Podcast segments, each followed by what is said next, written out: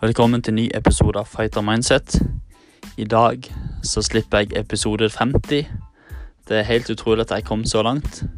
For meg så Eller for de fleste så handler det om å bare hoppe ut i, i det og tørre å satse. Og nå, etter episode 50, så ser jeg bare ok, hva jeg har lært. Og jeg har møtt så mange fantastiske mennesker. Og de som er gjestene mine i dag, det er Jen og Tom Satterley. Tom Satterley er tidligere Delta Force-soldat. Han har vært med på mye utrolig spennende. Blant annet så var han med på Black Hawk Down-episoden som skjedde i Somalia på 90-tallet. Dere har kanskje sett Black Hawk Down-filmen. Han var en av de som var med og opplevde det. Og det som han var gjennom, det gjorde at han begynte å slite psykisk.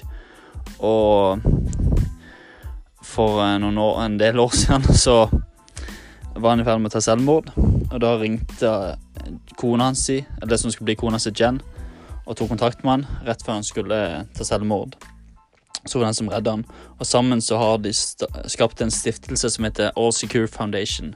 Jeg legger link til den, der, der dere kan gå inn og lese og se hva de gjør for noe for å hjelpe både familier og de som sliter, soldater, med PTSD. Og der er så mange som tar selvmord hvert år pga. PTSD.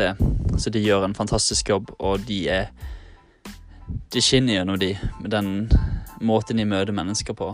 Gleder dere til episoden, og takk for dere med å backe opp podkasten min.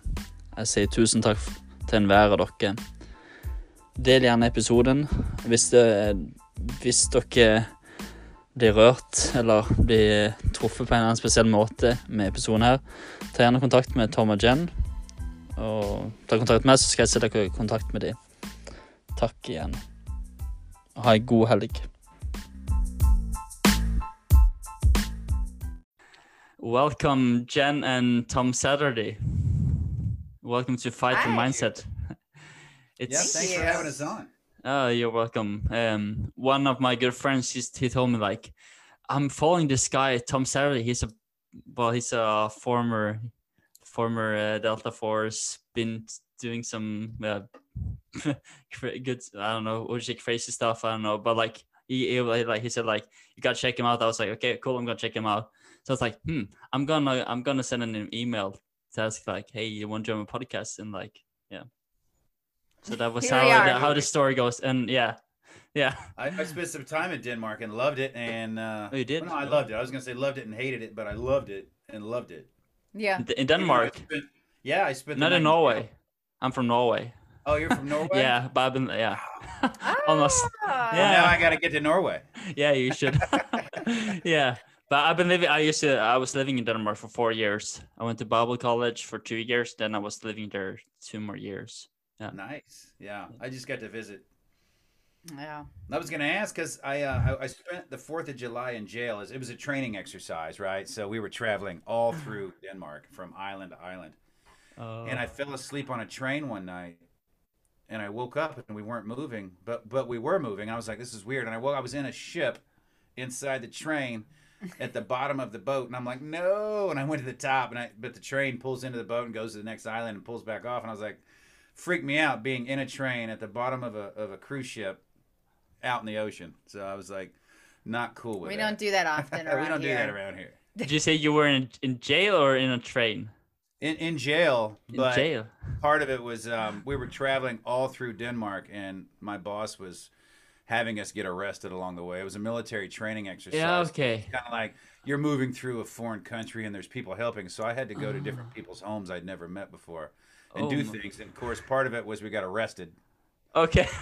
So, oh. I was in charge. I was the highest ranking guy. I, I spent. I was the last guy to get let out of jail um, during the interviews, and they would just question everybody for about thirty minutes and then take you somewhere else. And um, I was the last one. It was the Fourth of July, and I finally got into the office where they were going to interrogate me, and the window was open, and somebody's outside on the street going, "Hey, hey!" And I looked out and like, "Come on!" I'm like, I jumped out the window and took off. and we went to a bar, and uh, everybody was celebrating the Fourth of July in Denmark, and they were buying me drinks. I'm like, "Why do you celebrate it here?" So. I'm so excited to ask that question. Thought you were, was like, hey, we're, we're, we're going to be talking to somebody that- that's been in Denmark, so maybe you would know. well, uh, where I'm from, the small, like a small country, not not small country, small town with 5,000, 6,000 people living there. And well, we had a lot of this, emigra- what's it called, emigration to the United States. So like we yeah. all, all of us, or like all of them got like double names. And a lot of them's Okay. like uh, Paul Stanley, not Paul Stanley, but like similar, like uh, Kel Stanley. Norwegian, they have a Norwegian surnames and like they have a middle name that's pretty Americanized. or Yeah. some someone is even called Lloyd of all like yeah. Yeah. Very cool. so it's typical from like the ki- the place where I'm from. And then you have another place in um, in uh, like not so far away like an hour. You have like Brooklyn Avenue. You have this Oh. like American diner. We have our own like uh, Elvis impersonator. Uh, I've been, I've been training karate with him actually and yeah nice. yeah. so he looks. He took this like Elvis. pla- plastic surgery, and he looks like him, and he sings like him. Yeah, that's pretty insane. Yeah, That is, yeah. yeah, That's a Elvis fan there. Yeah, it's Yeah. commitment for sure. yeah, yeah, yeah. It is. He's a good guy. Yeah. It's awesome. I love so, it. uh, like, um, I've been looking forward to talk with you guys, and I've done some research, and I've been, yeah, to find out some inf- more information. The All Secure uh, Foundation, and then I actually bought the audiobook, uh, All Secure.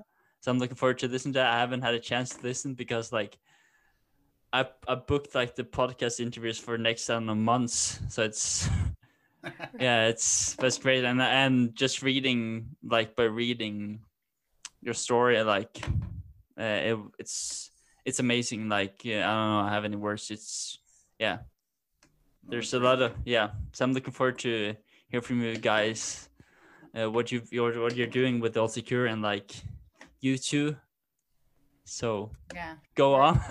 He's a handful, so I'll let him start.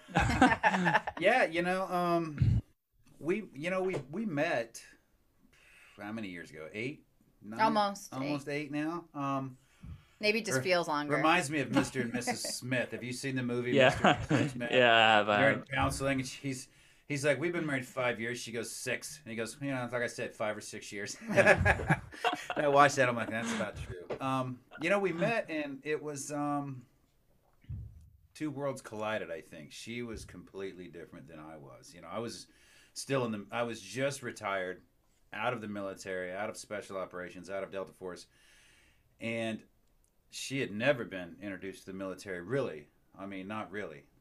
Not to that level Not for to that sure. level, No. I didn't even know what Delta Force was. Like I they're like this he's a legend in Delta Force and blah blah blah blah blah and I'm like I don't even know what that So what? is. Yeah, who and they're cares? like, What?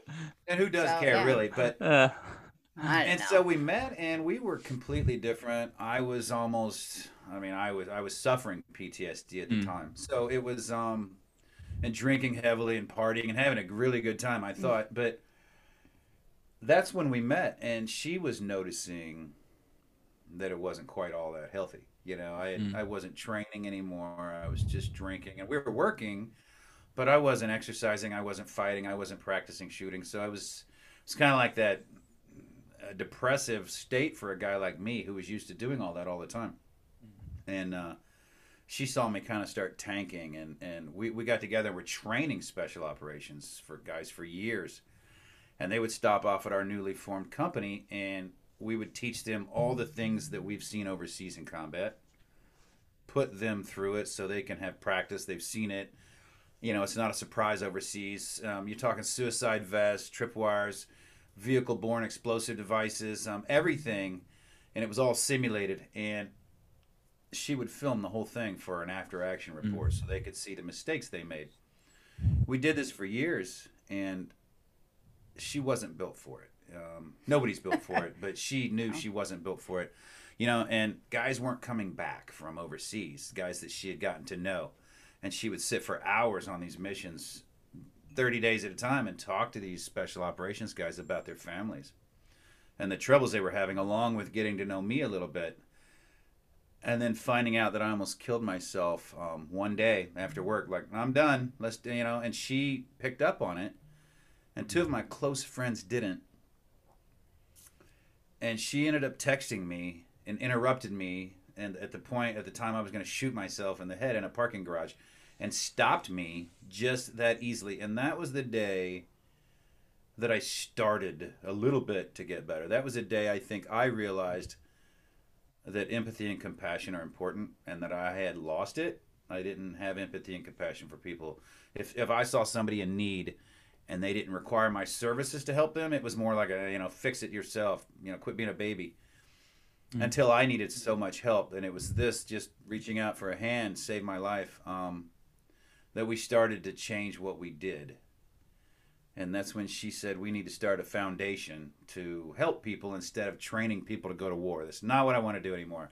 I want to help them when they're done with all of it, reintegrate back into life, reintegrate back into their family and their spouse, and not come home a raging asshole, right? I was just a mean, mean person and all of those things that are designed to keep you alive in combat, I brought home with me, like we all do, and that's just how we manage day to day business. Mm. And she was strong enough, and, and she's the strongest woman I've ever met. Um, she stood toe to toe with me, untrained, and probably won, I think. And of course, I won. of course, she won. She's still here, and and she said we need to start a foundation so she quit that job after three years of doing that and just started building a foundation and i continued to work making money so we could eat food things pay, like and that pay the bills she got to work over a couple of years of slowly building a foundation with something we've never done before and got me to write a book out of which you know would never happen ever and uh, and it did happen because she has that kind of pull and and she said listen we're on the phone talking to people about 10 to 12 hours a day or more, you know, people that oh. needed help. No. She said the quickest way to reach more people would be write it down in a book. Yes, All the please. things that screwed you up, let people learn from that too. And then that was, you know, hopefully reach more people than the phone calls that we were doing at the time. And so I did. I wrote the book she got to work on the foundation and then and then we in turn turned on her and said well how about you write a book and finish it you know so uh, i got to put her through that stress level as well of writing a book and, and trying to figure out what to do but you know it's been a a life of a lot of lessons learned um, a life of a lot of mistakes and we wanted to share that with people that have done the same things and you don't have to be in the military you don't have to have lived in the military to have PTS or troubles, right? Um, Or family issues. So we really want to help everybody with what we've learned, and not just veterans, and not just Americans, and not just those people who you know. We put our material out there for everybody. Um, Beautiful. To yeah. see and to get help from. Yeah, like you guys talk, like we're listening to you talking about, like I'm starting like getting emotional because it's it's so beautiful to, yeah, like I'm getting touched even though like, like far away, but still like just the way you're talking about like yeah reaching out to people helping yeah it's amazing. I'm speechless. It's it feels and it feels good to feel yeah I, we have to work with some of the toughest men on the planet. We're the mm. toughest men on the planet right? But we're babies. We're the biggest babies on the planet. We want to be loved but yet our jobs teach us that you know rub dirt on it and get up and do it again and be quiet and don't cry. Yeah. And so when we spend years not crying um, when you finally start to have those emotions, like when I did, it was just you pick up the phone and you start to you start crying, and uh, now uh, I pick up the phone, I answer to help people, and and men are just they just start crying, mm-hmm. and I'm mm. like, hey, go ahead, take your time. It feels yeah. good to feel something. Yeah. And they're just not used to it because they've held it in for so long, and it just comes rushing out, and and they love it, and and then they start to get their emotions. Then they call me like, I watch these home improvement shows and I cry when in the end when they reveal it. And I go, yeah, so do I, man. It's okay. and most people cry. It's just we've just spent years not crying, so yeah. it's okay to cry now. And it's uh, teaching people that it's okay to have emotions is real important. Yeah, absolutely. Wow. It's all it's all good. It's all okay, and not only that, it's necessary. So yeah, it's helpful. Sure. Yeah, I read this like one of my I would call him a good friend now. I, he's a former uh, like elite soldier as you, Tom. He was he went down to I think he was one of the first guys going to Afghanistan from Norway with a um what's the name of them? Uh yeah, the special forces here in Norway. So like Mhm. he is also writing. He wrote a book about um, having a warrior mind. He was inspired by Mike. What's his name? Michael J. Asken, I think. Wrote a book called Warrior Mind, Warrior Mindset, I think. So he's writing in all these like tactics how to. He's using his skills to help, like helping people, coaching them. Uh, I was fortunate to have a coaching session with him, and he's like I can call him, and uh, my day lightens up. And he's writing this in the end of the book. He's writing like those who have like um like a strong mindset, like they're the ones who are being honest and transparent about they're struggling because like I myself I I used to go to church for many years and I couldn't be the guy who was like crying or like having emotions or dealing with mental health issues. I had to like suppress them. So like from time to time it just all like it's oh, it's Oh, for sure. yeah it ran like there's a, a- such an amount of like water you can have in a cup and like until it pops over yeah Yep. so that, that that was like when the first when i got depression that was like everything had just built up from growing up and like first first second week of bible college oof. Oh, yeah yeah. and uh, that that was like yeah. They don't understand it that it's just it's. I hear it all the time. I'm so behind. I, I feel like I'm behind in my job. Oh. You know, with COVID and everyone at home for the year, and there's no uh, motivation. There's nobody at work to talk to. Your boss isn't there, so it's different. Mm-hmm. Some people can't work that way. Some people do well that way. But we get a lot of, of calls about I'm just getting behind and I feel mm. like I can't catch up. It's the overwhelming. Yeah. And they look at the whole thing. We try to tell them break it down, little bitty bites, you know, just little bites at a time, and you'll get there. People try to uh, they they look at the whole problem and get overwhelmed, and it's just It's uh, easy to do. back up and slow down. And everybody's been thrown, you know, a curve this year, uh, trying to Yeah. get used to the new. Yeah. whatever it is. And yeah Oh, in the election year. Oh, that add that fun in there. You know, it's been a great time in America. yeah it's like it's been wonderful. yeah so well like what i did when everything like i started my own podcast and i released up till now 40 episodes i guess by the time yeah we'll have this interview i'll be up around 50 plus wow. So- that's great. We've asked a lot of people, what'd you do this year? Yeah. yeah Did you did you snuggle up in a blanket and watch TV for a year, Yeah. or did you get out and do something? Because it it has a lot to do with your mental capacity and your, Yeah. your mental wellness. Of, am I doing something? Am Yeah. I contributing in any way? yeah right? You started a podcast. We're almost there. We've we've we need to start a podcast. So we're we're doing that whole let's start a podcast and we're we're getting very close as well. But this year's been one of those years where you're either gonna fall behind or you're gonna put your head down and get busy. You know? Yeah. So we put our heads down and got busy. You know, we actually helped more people this year for less money than previous years because it's it's more expensive to do it in Yeah. in person together at a Yeah. retreat, you know, hotels and food and everything. So we were actually able to help more people for less money and we, we grew this year. But we Beautiful. want to do that face to face, get together, yeah see So those much better. couples, you know, and work More we with can, them. Yeah. for sure. Oh, But we had, we had to change directions.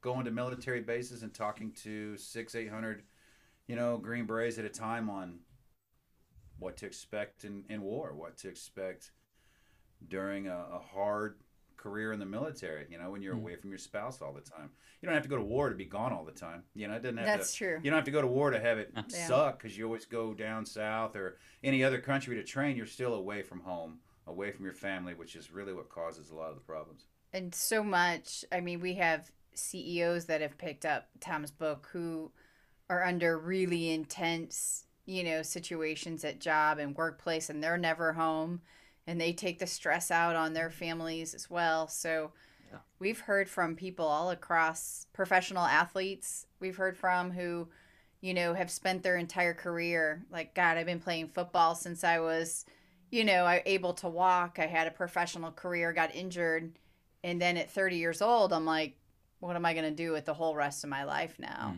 Um, being able to identify with tom and his story there as well. So um, like tom had said it's not just for military members it's really for anyone um, especially people who have had adversity and overcoming odds and and really just trying to understand that at some point in life most every human being will need some sort of help in Yeah. one way or another. And asking for that help, getting that help, seeking it out, that's a sign of resiliency and strength. Um, that's a sign of growth and progress. And we're taught, at least in America, that asking for help is a sign of weakness or something to be ashamed of or embarrassed about. And mental health is, ooh, don't talk about that. No. It's a scary thing. But it's biology you know Yeah. it's it's the biology of being a human being. And so we really want to when tom and i go out and speak or, or anything that we do we kind of want to normalize it frankly. Mm. that hey we've both suffered with mental health issues. Hey we've both had you know suicidal ideations and attempts. We've rebuilt our lives um, through some pretty bad situations. And if we could do it you know from two very different walks of life really anybody can. When you put your mind to it healing is just like tom said little steps every day just little bite-sized pieces of that big cookie you know. You don't need to eat it all at once. Um i'm getting emotional again because like i can really yeah i know how it is like it's so what do you call the word sti- uh, stigmatized or whatever Yes. they call it yeah. Yes. and like especially like like there's nothing wrong with churches or like but again that's the people and i spent 20 years in church and like it was so like it was a pain. Like i had what's it called? Suicidal thoughts and all Yeah. that. And like i never planned it but like i had it like there were times like i remember we went on like um like an outreach with the bible college to the faroe islands.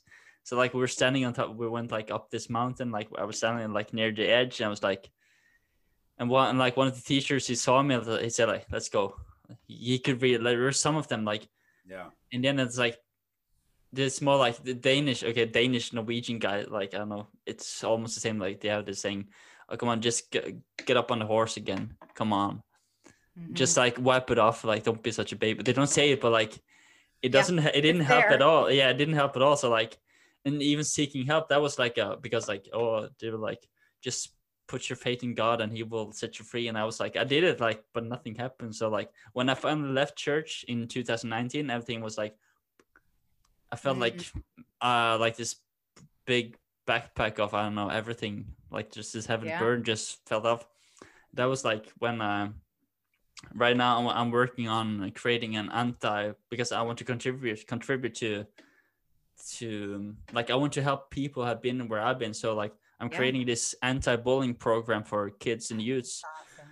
and well there's there's a lot of tons of programs all over like but yeah but it isn't for everyone. So that, that's what i'm contributing to. So like and i always hear people saying like oh no dog you shouldn't have people have been there where you've been like but and i like i believe in them. So like when i finally like okay this is what i want to do. This is my like my vocation my calling to help those who have been where i've been like um that's what i'm been doing like the, at the beginning of this year like i started last year um getting back at it so That's a Yeah. powerful Yeah. way to honor your story and your path because I do feel like um, part of the trauma and abuse that I went through as a child um, didn't necessarily, I mean, it created a different type of empath in me. It created a different type of experience working with soldiers and spouses. And so I, you know, I became grateful for that story. I became grateful for that path because it led me to doing the work and the experiences I have today. Mm. And so you're doing the same thing of taking your story and your experiences and how you've learned and grown and and bringing that to children is or to anyone who who can benefit from hearing your story. That's what Mm. leaders do. That's You've stepped up into a leader role, and I don't Yeah. even know if you've thought about it. You're a leader. You're showing people the way based off of your experience. yeah. I mean, we, we're trying to show people the same way based off of our experience. That's all we're doing too. Mm. That's all we're doing, and that's what makes you a leader. Is you can remove the stigma. Um, we're trying to remove the stigma so fast. It's it's like Alcoholics Anonymous, right? mm, yeah That's that's the stigma of asking for help. It's okay to dance naked on a bar drunk. That's not embarrassing. But it's embarrassing to be in Alcoholics Anonymous and needing help. Yeah. So it's anonymous versus, whoa, that's embarrassing. Dancing Yeah. naked on the bar is embarrassing. So I'm going to go over here and get some help for drinking. So I don't do that. Right. Yeah. And, but it's, but we hide this. We do this publicly, and we hide the fact that we're getting help. So Yeah. we're trying to remove that stigma of warriors, leaders get help. That's how you get better. Yeah, You know, you yeah, study something so you can learn it. That's all getting help is is studying something and learning it and doing that better. Yeah.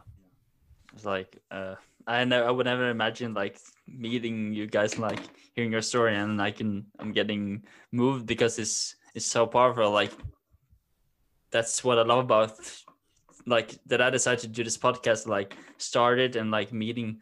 Okay, there's people are people, and there I met um, some amazing people, and I'm always amazed. Like barely know anything about you guys. Like I've re- read like what you're doing, and like it's beautiful and like hearing you guys and meeting you guys it's like wow Likewise. Yeah, and this is how this is how we all learn. Yes. we love doing this because you meet people like you, and and we learn from you, and it's like wow, we're all doing the same things, aren't we? We're all trying to help other people with our experiences, yeah and we all feel like, man, I hope we do this okay. And it I hope we do this well, and we're and it scared to death. I, I, it's a global experience. I Mhm. mean, really, we.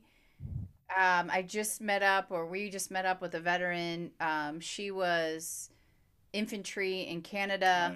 Oh, Um, she was one of the first women to actually, in her Canadian force, to to fight infantry. I think she was a gunner at 19 years old. Uh, was injured and and left the military after four years. But she's doing all kinds of stuff with Canadian military. And we've partnered with her, and we've got Mm. we get a ton from the UK, uh, UK and Ireland and Australia.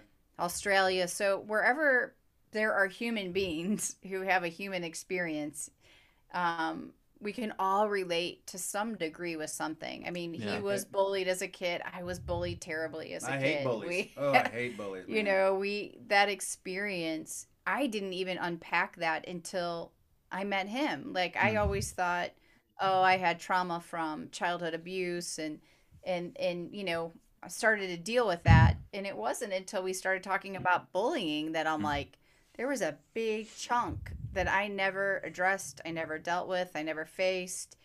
And it Mm. was holding me back, and I didn't even realize it. I'm 45 years old, and I'm like, that happened when I was, you know, 10, 11, 12. yeah I, I recall i got bullied from kindergarten no it started there like because i had some brown teeth my mom gave me sugary like drinks and like my teeth were brown and all my photos like i was embarrassed like it and now i had to like go through it like to dig Yeah. into like delve into it but like Yeah, and like I remember when like I started learning martial arts when I was 13, 14, jiu-jitsu because I wanted to get back at the bullies. And like I never got back at them. And like that's what I'm gonna Mhm. teach. Like because like I had this like epiphany, like I was what- going to ask you. You Yeah. probably Huh? you probably never got in a fight, right? No, never. Do you ever get in a fight?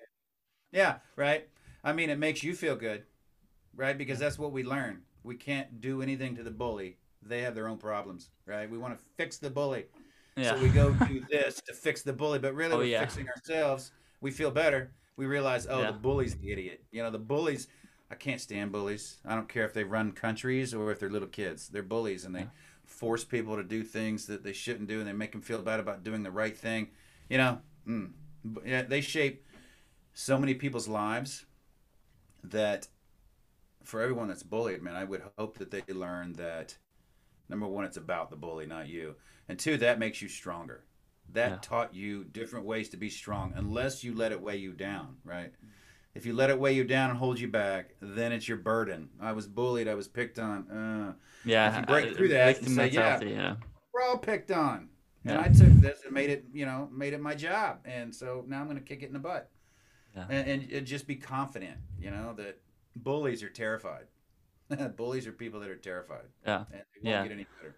Like yeah, I have a daughter, she will she's turning four soon, like and I'm I have this like she's also one of the reasons that I'm creating it because like yeah like I'm a I'm I'm a I actually moved um closer to live I, I moved to live closer to her so like instead of driving three hours I'm like and I got like 10 minutes to drive to see her and it's like and it's amazing to see growing up and teaching her some basic kali stuff some with some sticks and then like Oh, Nice. awesome. yeah so like i'm gonna instill all this into her like i'm gonna like yeah but but in order to do that like i had to build myself up and that took some time i'm still working on it like i'm not perfect Every day. and You'll like be doing it every for the day. rest of your life. Every yeah. day. and like to finally yeah and yeah we tell everybody when you stop working on yourself, that's when you start to die. Right there. That's uh, Yeah. you know, always try to improve.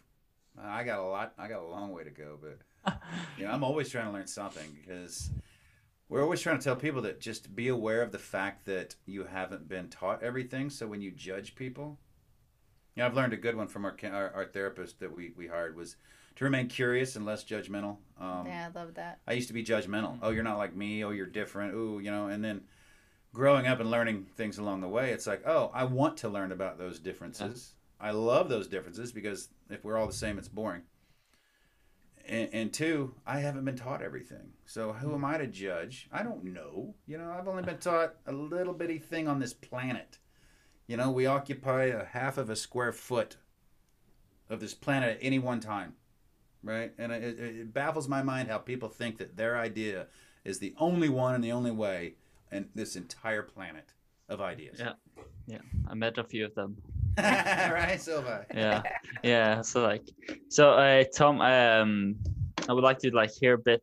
I, I researched a bit like your webpage. You has been like what you've been doing. You've been in Delta Force for you were in the Delta Force for 25 years, and you've like a lot of the thing like the American movies about Black Hawk Down, but you've lived it and you've you also were part of the Red Dawn um operation. So like well it's called Mogadishu, uh the event in Mogadishu. So like that's like yeah, well would love to hear a bit about it. Like Yeah, that was um Somalia was was my first combat operation ever. Um and I was in the unit for about right at 2 years. So I was in Delta for 2 years at the time and early in 93, you know, it popped up, hey Somalia blah blah blah. So we started training um, with the helicopters and the Rangers and different missions. You know, we, we were doing it every day anyway, but now we're going to come together and train. And then we pass it off to another squadron who was training and their turn to go. And then it, so it went on that year talking about going to Somalia and what we're going to do, waiting on word. So, you know, and towards the end of the year, it was our turn again. And there we go, back to it. And um, packed up and flew over. And our first five missions were were like you think combat is, you know? Um, we literally flew twice a day around the city in the helicopters and we went different directions every time. Whether we had a mission or not, we flew over the city every day so they wouldn't know when we were actually going on a real mission, right? If we only took off on during missions, then they would know we were coming. So we would do it twice a day to throw them off. And then, so for three months, we really only did six missions. And the first five were boring. I mean, you know, shot at a little bit. You shot a couple people. I mean, boring. I mean, my fifth one was terrifying. I, you know, we were we assaulted an ambush position, and they were just shooting at me and a friend of mine running down this alley, and I, I knew I was dead. I was like running behind him, and bullets were flying past us and hitting the ground, and I was like, he was taller than me, and I remember looking at him thinking, when's he gonna fall? Mm-hmm. Because I'm next, and we made it to a doorway and and and hit out, and it worked out for us that day, but. You know, 3 October turned out to be different right away on infill because one, the target was near the Bakara market, which was where they sold all the illicit weapons. That any anything you wanted, you could get in the black market there, and that's where we were going to do the hit. It was in the daytime, which we'd like to do at night. Didn't bring night vision since it was in the day. Didn't bring water since it was going to be an hour, and we'll be right back. Big mistake. And then right when we infilled, um, we were taking fire taking fire from RPGs, taking heavy machine gun fire and AK 47 um, fire. And I knew it was different. And then we didn't find out for years later that there was Al Qaeda that was training nearby. We didn't even know about Al Qaeda back then. But they were there training nearby in Mogadishu on how to shoot down helicopters. So they decided to join the party that day and they came over and started helping, which didn't work out well for us. So you know, once I once I roped in, and we ended up going to the wrong house because we were outside the perimeter because of the brownout from the dirt. You couldn't see coming in the gunfire, so our helicopter got pushed further out, and we had to fight our way back into the target. And so we were going house to house and running down the street and getting shot at, and finally made it to the target building, and pretty much it was done, minus all the detainees, which they handed over to us. We loaded them up on trucks, and then we were ready to go and then it got worse and that's when the first helicopter got shot down right over top of us. I could see it just spinning out of control and crashing to the to the northeast a little bit. And I was like, oh, I was a young kid. Um, I wasn't in charge of anything or anybody. I was just supposed to shoot things and break stuff and do my job. And so I was just waiting to be told what to do. And I, you know, I could see things were happening. And then you know, next it came, hey, we have to move down the street and secure the crash site. And I'm like, oh man, we're not going home now. And so that ended up turning into the longest sustained firefight since Vietnam. Um, it was it lasted 18 hours, and it was um, I hadn't seen anybody killed or shot yet. I you know a ranger got shot in the neck right in front of me, but he was like, uh, grabbed his neck, and he's like, whoa, that was weird. So that was still not processing. Hmm. You know, we ran a couple blocks down the street. We turned to head north, and we were taking heavy fire. And I looked across the street, and I saw a friend of mine shooting up the street. And he looked at me, and I looked at him. I was like, "Whoa!" And, you know, we started shooting down the street, and I looked back, and he's being drug away already. It was seconds. Seconds had passed, and he's being drug up the street by two of my other friends. And I didn't know that he was dead, but he had been shot right through the head, and was instantly killed. And um, I just kind of spent the night knowing that people were injured. I didn't know anybody had been killed. I mean, I you know, and I don't remember. I think that they, they didn't want to tell us that kind of information over the radio. Mm. And plus, after a certain amount of time, most of us had turned our radios off to save batteries, you know, because we had to rotate through these batteries because we knew we were stuck there. And uh, we spent the entire night. If you've seen Black Hawk Down, it kind of captures the chaos for sure. Mm. It doesn't capture the fear of being trapped with thousands of people trying to kill you. And Oh. then sitting on a bed i was out of ammunition and i pulled my knife out and they were talking about a resupply but i you know i don't know if they were going to make it. How were they going to get us you know?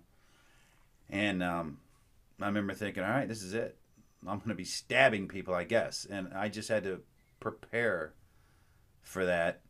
And i think that's when my life changed. That's when i realized i didn't care about anything anymore um, i'd given in to the fact that i was going to be dead and I was just going to try to save as many of my friends as possible, or kill as many bad guys as possible, right? Um, yeah. Go out swinging, and it just didn't happen. It just, you know, we finally got resupplied, ran out of ammo again, and then it was finally the next morning time to get on out of here. And they finally made it to our site with two of the armored vehicles from uh, Malaysia. The Pakistanis were driving, and they had the 10th Mountain Division with them. They were walking in, and they finally made it to our site, and they pulled the helicopter off the two pilots' bodies, and that's why we were there. They were stuck and trapped underneath the frame all night, and we weren't going to leave their bodies. And we finally pulled that off, loaded up the dead on top and, and the wounded inside. And when I went to jump in the back of one of the vehicles, I opened the door and they pulled it shut. It was it was so full, there was no more room. Um, so we made a quick plan that we'll we'll walk out next to these armored vehicles and we'll get to the other vehicles, get in and drive home to the stadium. And as soon as the first bullets started flying, those vehicles took off and just left us there. And uh, so we ended up running the Mogadishu Mile until we got back to the the tanks and the and the convoy that was you know about a mile ish away, and loaded up and took off and went multiple different directions. Um, Humvee. If you read my book and look at it, there's a picture of us in the back gate of the airfield. We got shot at all the way back, driving back, and everyone else drove to the stadium, which was a lot closer. Our guys got um, deterred because of roadblocks and getting shot at, and they, they just got lost and went the wrong way. And I literally did not know that until uh, last year.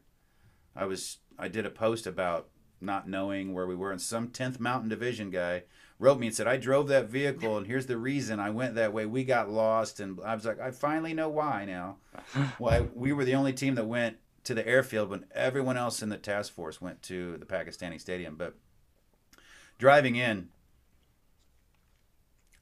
to the hangar where we lived, I had to drive all the way around the airfield and we drove past the medical tent, which is just across this, the dirt road from us. And there was probably about ten bodies laying there, covered up with blankets and ponchos, and and I was like, "Whoa!" I, you know, I looked at them and I saw, I noticed boots.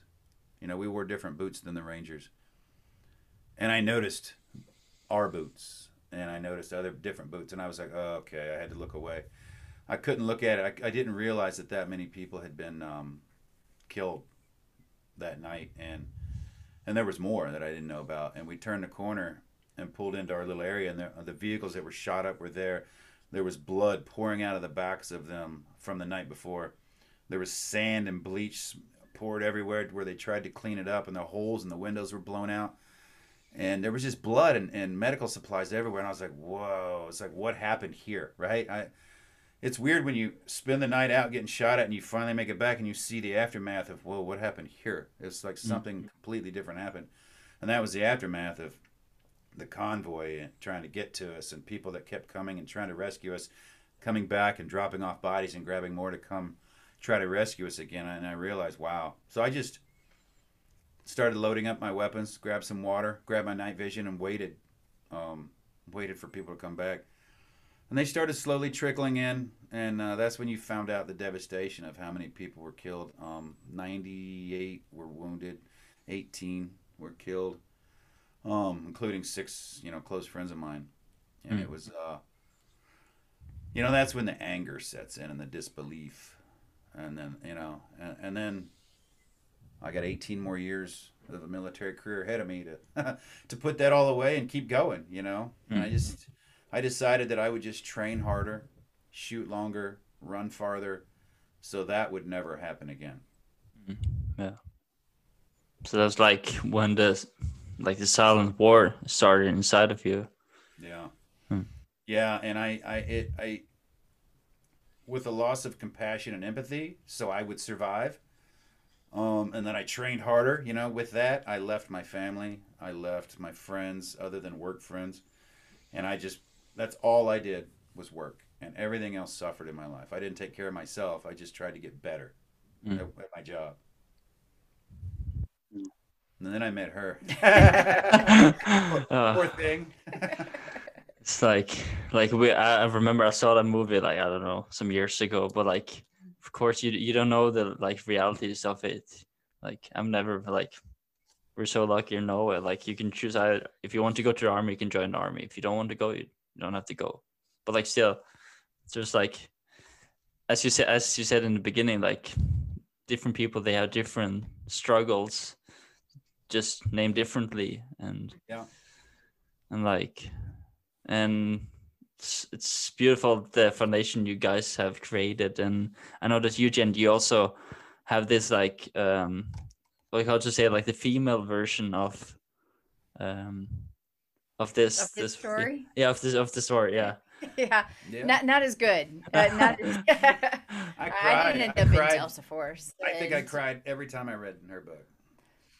It's so I um I was lucky enough to work in special operations for a few years. I was a civilian contractor, so um, I never, you know, signed up, but got to work alongside. And so working with um, never got to work with Delta Force, but I did work mainly with Navy SEALs and and Army Green Berets. Mm. And so for three years, I would embed with those teams, um, doing all the film and photography work on stateside, really big missions, um, mission training. Mm. And so I got to see it, it really was like, okay, here's this 26 year old Navy SEAL, and here's this 40 year old Navy SEAL.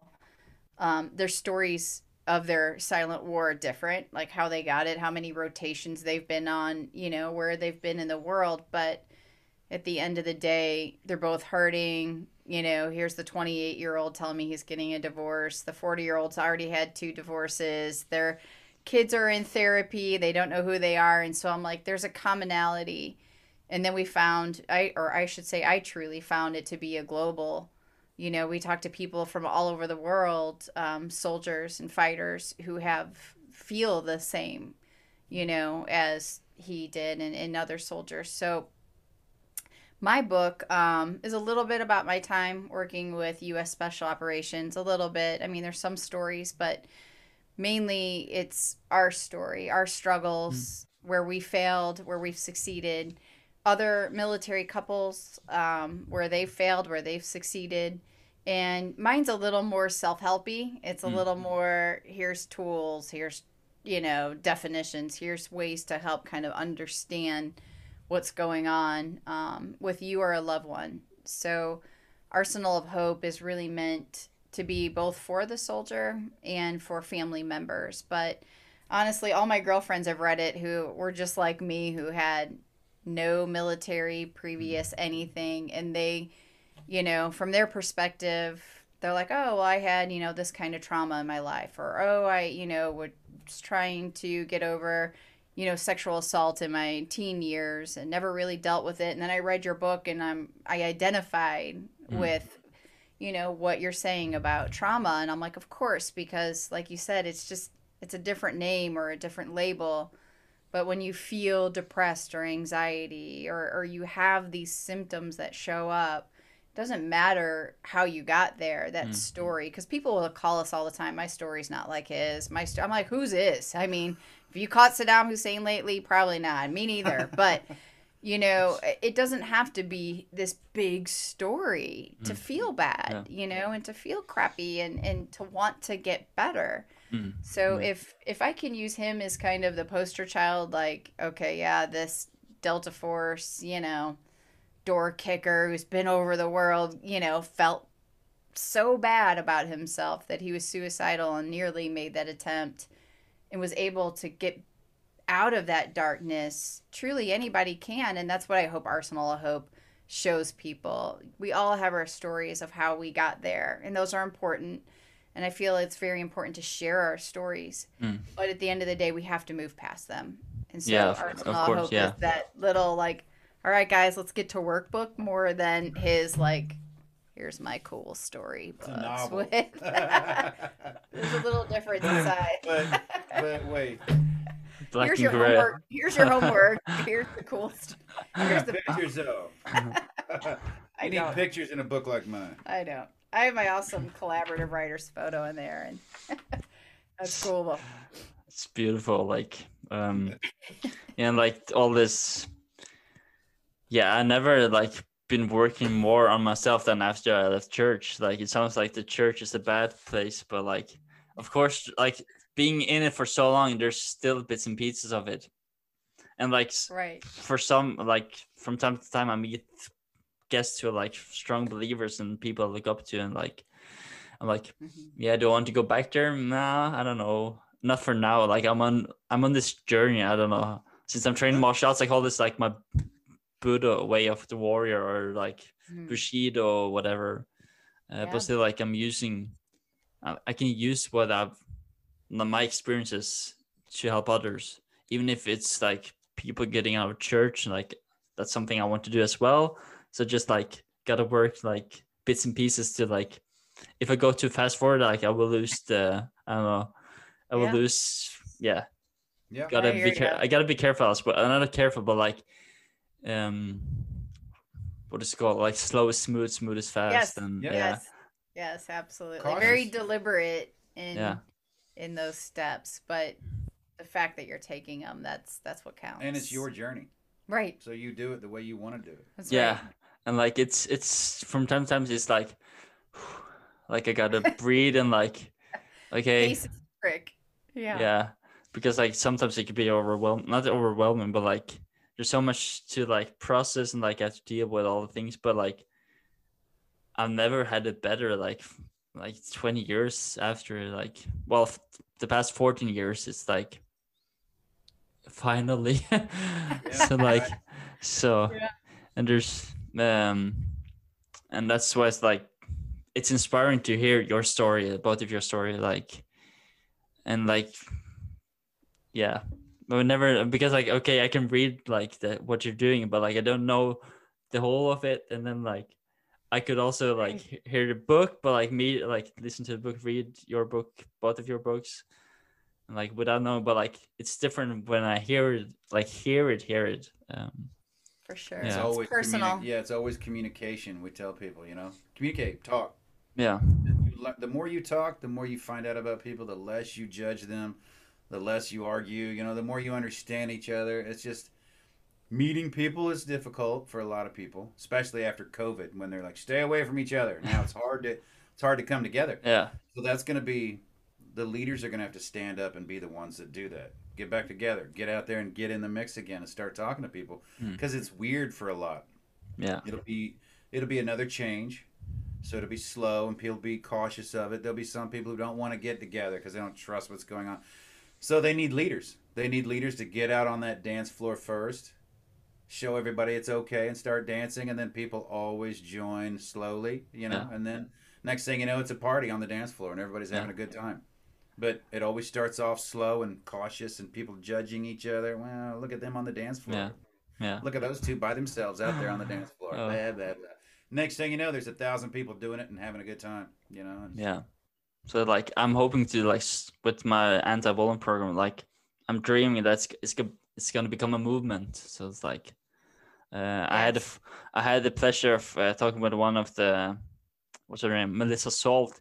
Uh, she started. She had this like women. She started this women's self defense back in the seventies. So she started Yeah. a movement, and That's so awesome. so like some people I meet they just touch my heart and like same with you guys like and start seeing here like all these emotions because like I can what's it called uh what's the word for it like I can I don't remember the word like in English. relate. yeah like, relate relate relate yeah yeah that's the word yeah yeah so like I was thinking huh She's like magic. I'm like, uh, uh what word? She's like, knows it. relate Hey. I have I have eight percent Norwegian, so you know. okay She's like, I'm Viking.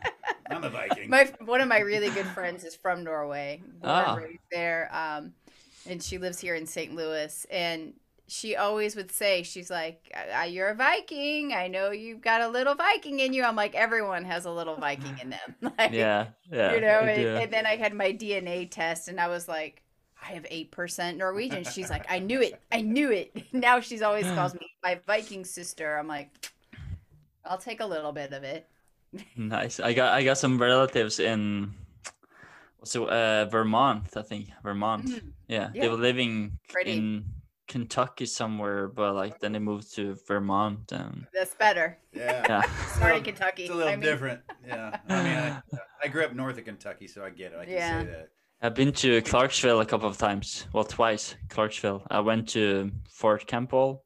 One of my good friends, Yeah. he was uh, teaching the special force. What's it called? The the fifth. Yeah. Yeah. Oh yeah, I was Yeah. there. I was at fifth group for. a You short were? time. Yeah, I Maybe. lived there. for a Mm. little bit Very of time. little short time. I was gonna say like six months, but Yeah, so I was fortunate to get in there. Had a sponsor, like, yeah, Very it was cool. cool. It's cool. Yeah, It's cool So- to see some of that stuff. I mean, I, you know, you get used to it after you see it. But even no. even in Delta, me, be- like, being in Delta, we, we saw our stuff, you know. Yeah. And then when I would go to a regular army base and see all those helicopters or all those tanks, I'm like, that's cool to see, you know. See So them all it's- parked there and see all the. so like at that base uh, at Fort Campbell, like it's the whole of our Norwegian, like it's three times as many, like what's it called, enrolled enlisted in our Norwegian army. It's like Just Everything's- yeah, just Fort Campbell. so like um, I was thinking like if you guys would share some like some important lessons, like you share a lot already, but like for those of my listeners who are in this like um who's there like they're getting like getting moved by this as I like what are your like im- some important I don't know lessons to I, I- yeah, I man, I would start with we're all the same. So we're the worst judges of ourselves, right? We always I'm not going to ask anybody because I'll look stupid or I'll sound dumb or uh, maybe it's just me. So we never ask. But we all should ask because that's how we learn. I want everyone to know that it's it's it's leadership. It's a sign of strength and courage to go get help. To learn something new is the same thing. The getting help is just learning something new that you haven't learned before. That's all it is. So call it what you want, but stop sitting there and judging yourself and not reaching out to get help for whatever mm. it is you need help with. I don't care what it is. We all need help with something. It's not always post traumatic stress. It's not always this. Somebody might just need help with with feeling good about themselves or or feeling better because somebody's picking on them, but just ask a friend. There's you're never alone. Never never alone. There's mm. always somebody you can ask for help. And don't be afraid. Don't be afraid to ask for help. Set the example. Show others that it's okay to ask for help because we all need help at some point. and probably to that point, one of the things that I learned is people think about you a whole lot less than you think they think about you. So Yeah. I um I used to Yes. I used to always be very concerned, like, oh, how am I going to be judged or perceived? Or, you know, I'll say something in an interview, and for a week after, I'm like, "Why did I?" And he's like, I wish "Nobody I could even." delete that. or I wish I could dating delete that. or He's uh, on, a, on a date. Oh, Yes, Yeah. yes, or for anything. And I'm like, I wish I could take that back, or why did I say that? And you know, there's even been times where I've apologized to people for I, I said something a while ago, and they're like, "What are you talking about?" Like I have no clue, and I'm like, "Why have I been sitting here for a year going, oh my gosh, I shouldn't have said that?" When the other person didn't even. It was in and out. So. I think for me, part of my peace came with understanding every single human being is dealing with their own stuff. They've all got mm-hmm. full plates. They're, you know, whether it's work or school or whatever it is that you're doing in your life, it's occupying your own space. So when we judge ourselves and when we're afraid or when we think other people are thinking about us, probably really not so much. So, and and nobody is better equipped at getting that help than you are Yeah. other than the ones that actually went and got help right so if they're doing better than you they already went and got help maybe you should listen to them Yeah. right so that's the only thing holding people back is that asking we call it the 10,000 pound phone where it's so hard to pick it up and ask for help but once you do it it disappears and it's so light and you feel better and they start crying and i'm like yes let it out it's okay Yeah. don't worry about being judged because you know we all Well, worry about yeah. being judged let it Yeah. go and Yeah. likewise for there, if if you wouldn't switch spots, like if you Yeah. wouldn't trade places and lives with that person, be careful about taking their advice as well. So, I had to learn that the hard way too. He's like, "Would you trade places with her?" I'm like, "Never." He's like, "Then why do you care what she yeah, why do you worry about her advice Why are you Oh, worried love about her. Yeah. advice or You- what she thinks you about don't you? take You wouldn't- financial advice from someone who's broke living under a bridge right so you don't take mental Life illness advice mental or health care or I like- who's live in a bad way you know Yeah. Yeah. I'm so I'm so like grateful that I went to my psychologist for five years.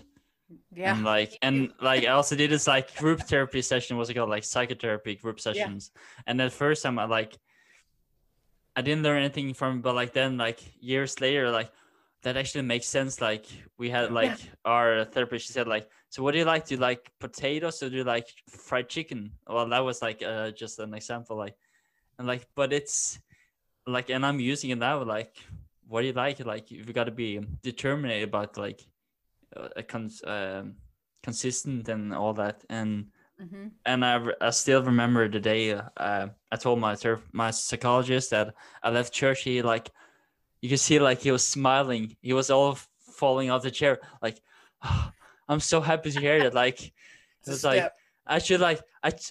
It was like he told me like I really want to tell you that you should leave, but I didn't want to do like because there were times like I was just like going in a circle, being this victim. Ah, the like when I left it, Yeah. like like the bad the yeah the evil circle and then i left it and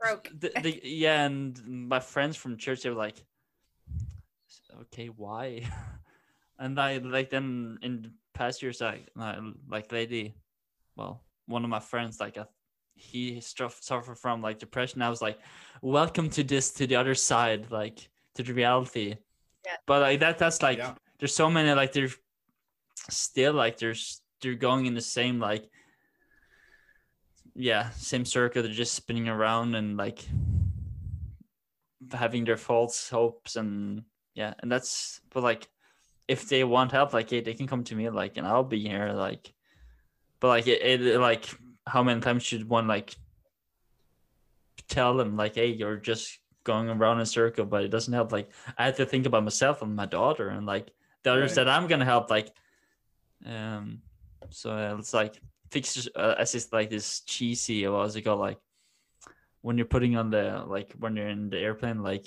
Oh yeah, the Yeah. oxygen mask. it actually can put it on Yeah. yourself first and then the other one so that, Yeah. that like that's yeah it's very like is it not cheesy but like uh, cliche Yeah. like It's but though. but it's true same with like if you're gonna help someone fix yourself first then fix the others like same Yeah. when it goes to relationship and And your Very true. friends, any of your real friends. I tell people this when they say, "Oh, my friends are giving me a hard time." I don't have as many friends as I used to have, right? I, Me uh, neither, I've, I've yeah. found out that my friends aren't my friends Yeah. because you become like the five, ten people you hang around the most, and I didn't want to be like them anymore. Um, they were great friends in combat, and I needed them, and they were good work partners, but they're not on the path I'm on anymore, so they don't really intertwine with my values anymore Mm. since I've changed. And, and I've realized that you know you become like them, and so I removed myself. And, and my true friends wanted me to be happy anyway. So whatever I did, they supported. Versus, why are you doing this? Why are you doing that? Mm. You know, and the ones that were like, why are you doing all that? Why are you happy now? Why, what's wrong with Tom? He's smiling now. And I'm like, there we go. They're lost. They're the ones that are Oh. lost. So Yeah. you know, your path. Follow your path and be proud and strong always. Yeah. People will follow you. They'll be scared along the way. What are you doing? That's weird. It's different. Stop. You're gonna hurt yourself. And then Yeah. sooner or later you're gonna oh here they come. Well, change They looks like this- chaos. Yeah, change So- always looks like Yeah. chaos. You know, and, and people can be afraid for you when it looks chaotic and your life is unraveling. I'm sure when you left your church, people were concerned because Yeah, they're like, concerned. whoa, that's Yeah. change. Change is scary. And if I have to look at his change, that's going to make me question what I should be changing. And a lot of people don't like that mirror. So, you know, as you're evolving, as you're changing, as you're growing, um, the people who aren't ready to, to do that work often are, are your greatest critics because it has nothing to do with you. And they're just, they're talking about themselves in the mirror. And Yeah. had to And learn that one too. It's Had scary. learn- It's scary to be alone, right? It's scary to Yeah. be alone. Yeah. Or feel. Oh, there goes somebody doing something different. Better make fun of them because I'm I'm alone now. I'm afraid. You know, I don't have the courage to go do the movement that that you've done. So a lot of it could be fear. Yeah, for sure. That's like what I learned, and I picked up all this like the black books of like how to read, not read people, but like Yeah. um what everybody's saying, and uh, I don't remember, like another book. What's it called? Uh, Dangerous Personalities. I'm not finished with it, but like I'm learning new skills, and sometimes like.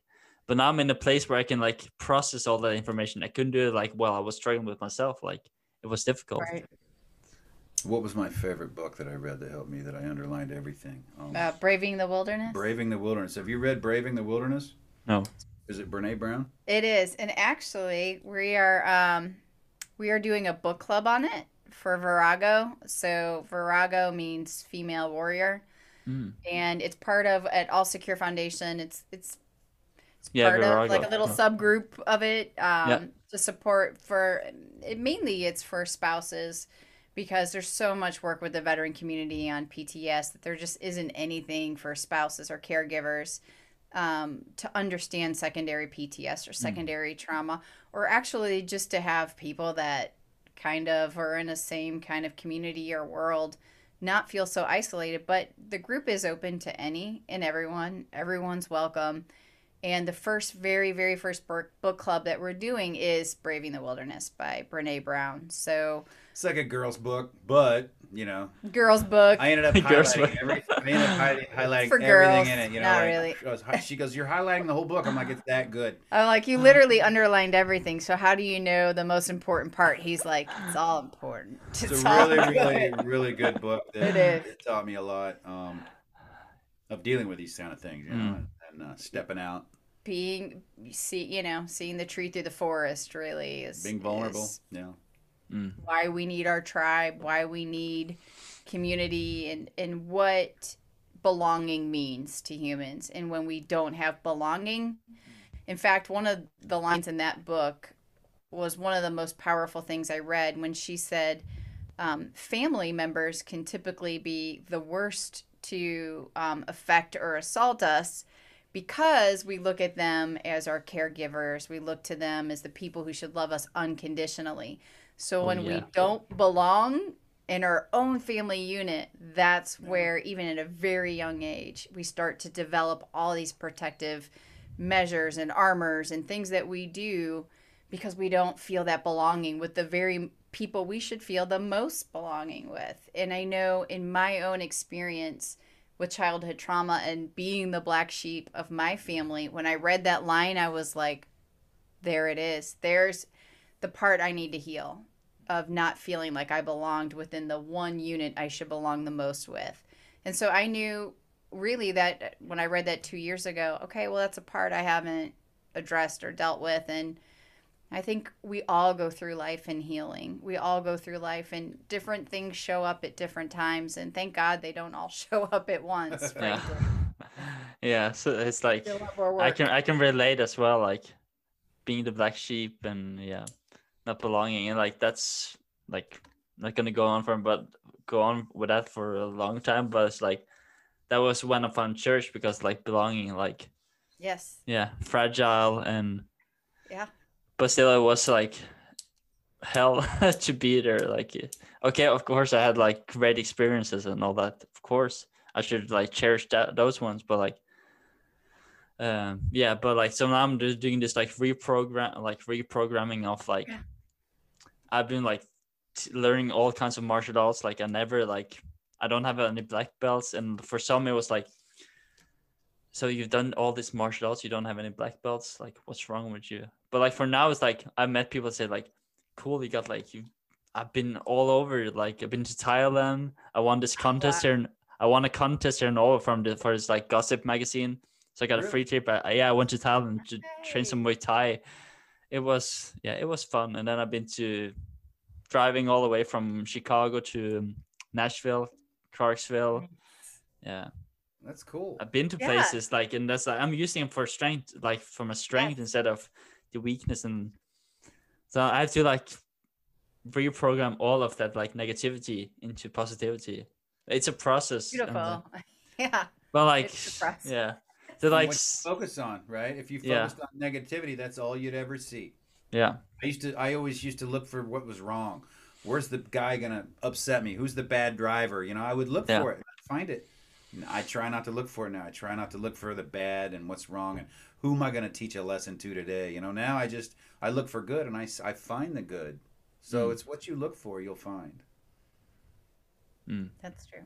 Yeah. Wonderful. Yeah, like I gotta like process this and it's it's been uh I'm so happy to meet you guys and like Nice have you here on my well. podcast and uh I would love to share the um, all the links and books that we talked Great. about and like just send me the links and I'll share it and Awesome. if Thank there's you. if there's any other information like information you want to share please if there's anything my Great. listeners should if they want to reach out how, can they find you guys like Yeah, please do reach out. Um, we're at allsecurefoundation.org. So there's a contact form right on our website, and actually, it all goes directly to me. So I read everything to keep it confidential if somebody's reaching out for help and needs a specific need. Um, it's not going into a, a big bucket where you know someone's going to read it. I personally read every single email. From there, um, we will help address wherever it may may need to go. It might go to Tom. It might go to our admin. But yeah, go ahead, reach out, allsecurefoundation.org. Um, hit the contact button. We'd love to hear from you. Now, don't ever hesitate to reach out if you need help. We're or global. You know somebody so who needs help. This, Yeah. this is a humanitarian issue, not a country Yeah. issue. So wonderful love to see like you the, that's the worst like no other words to describe them, like it's the work you're doing it's amazing the more like yeah Thank you. Well, thank you. Thank you. Just thank you for people. having us, Yeah. too. Thank it's you. really nice to meet you. same here like i hope that we could do this another like some other great. time Yeah. yeah Yeah, for sure. That'd be great.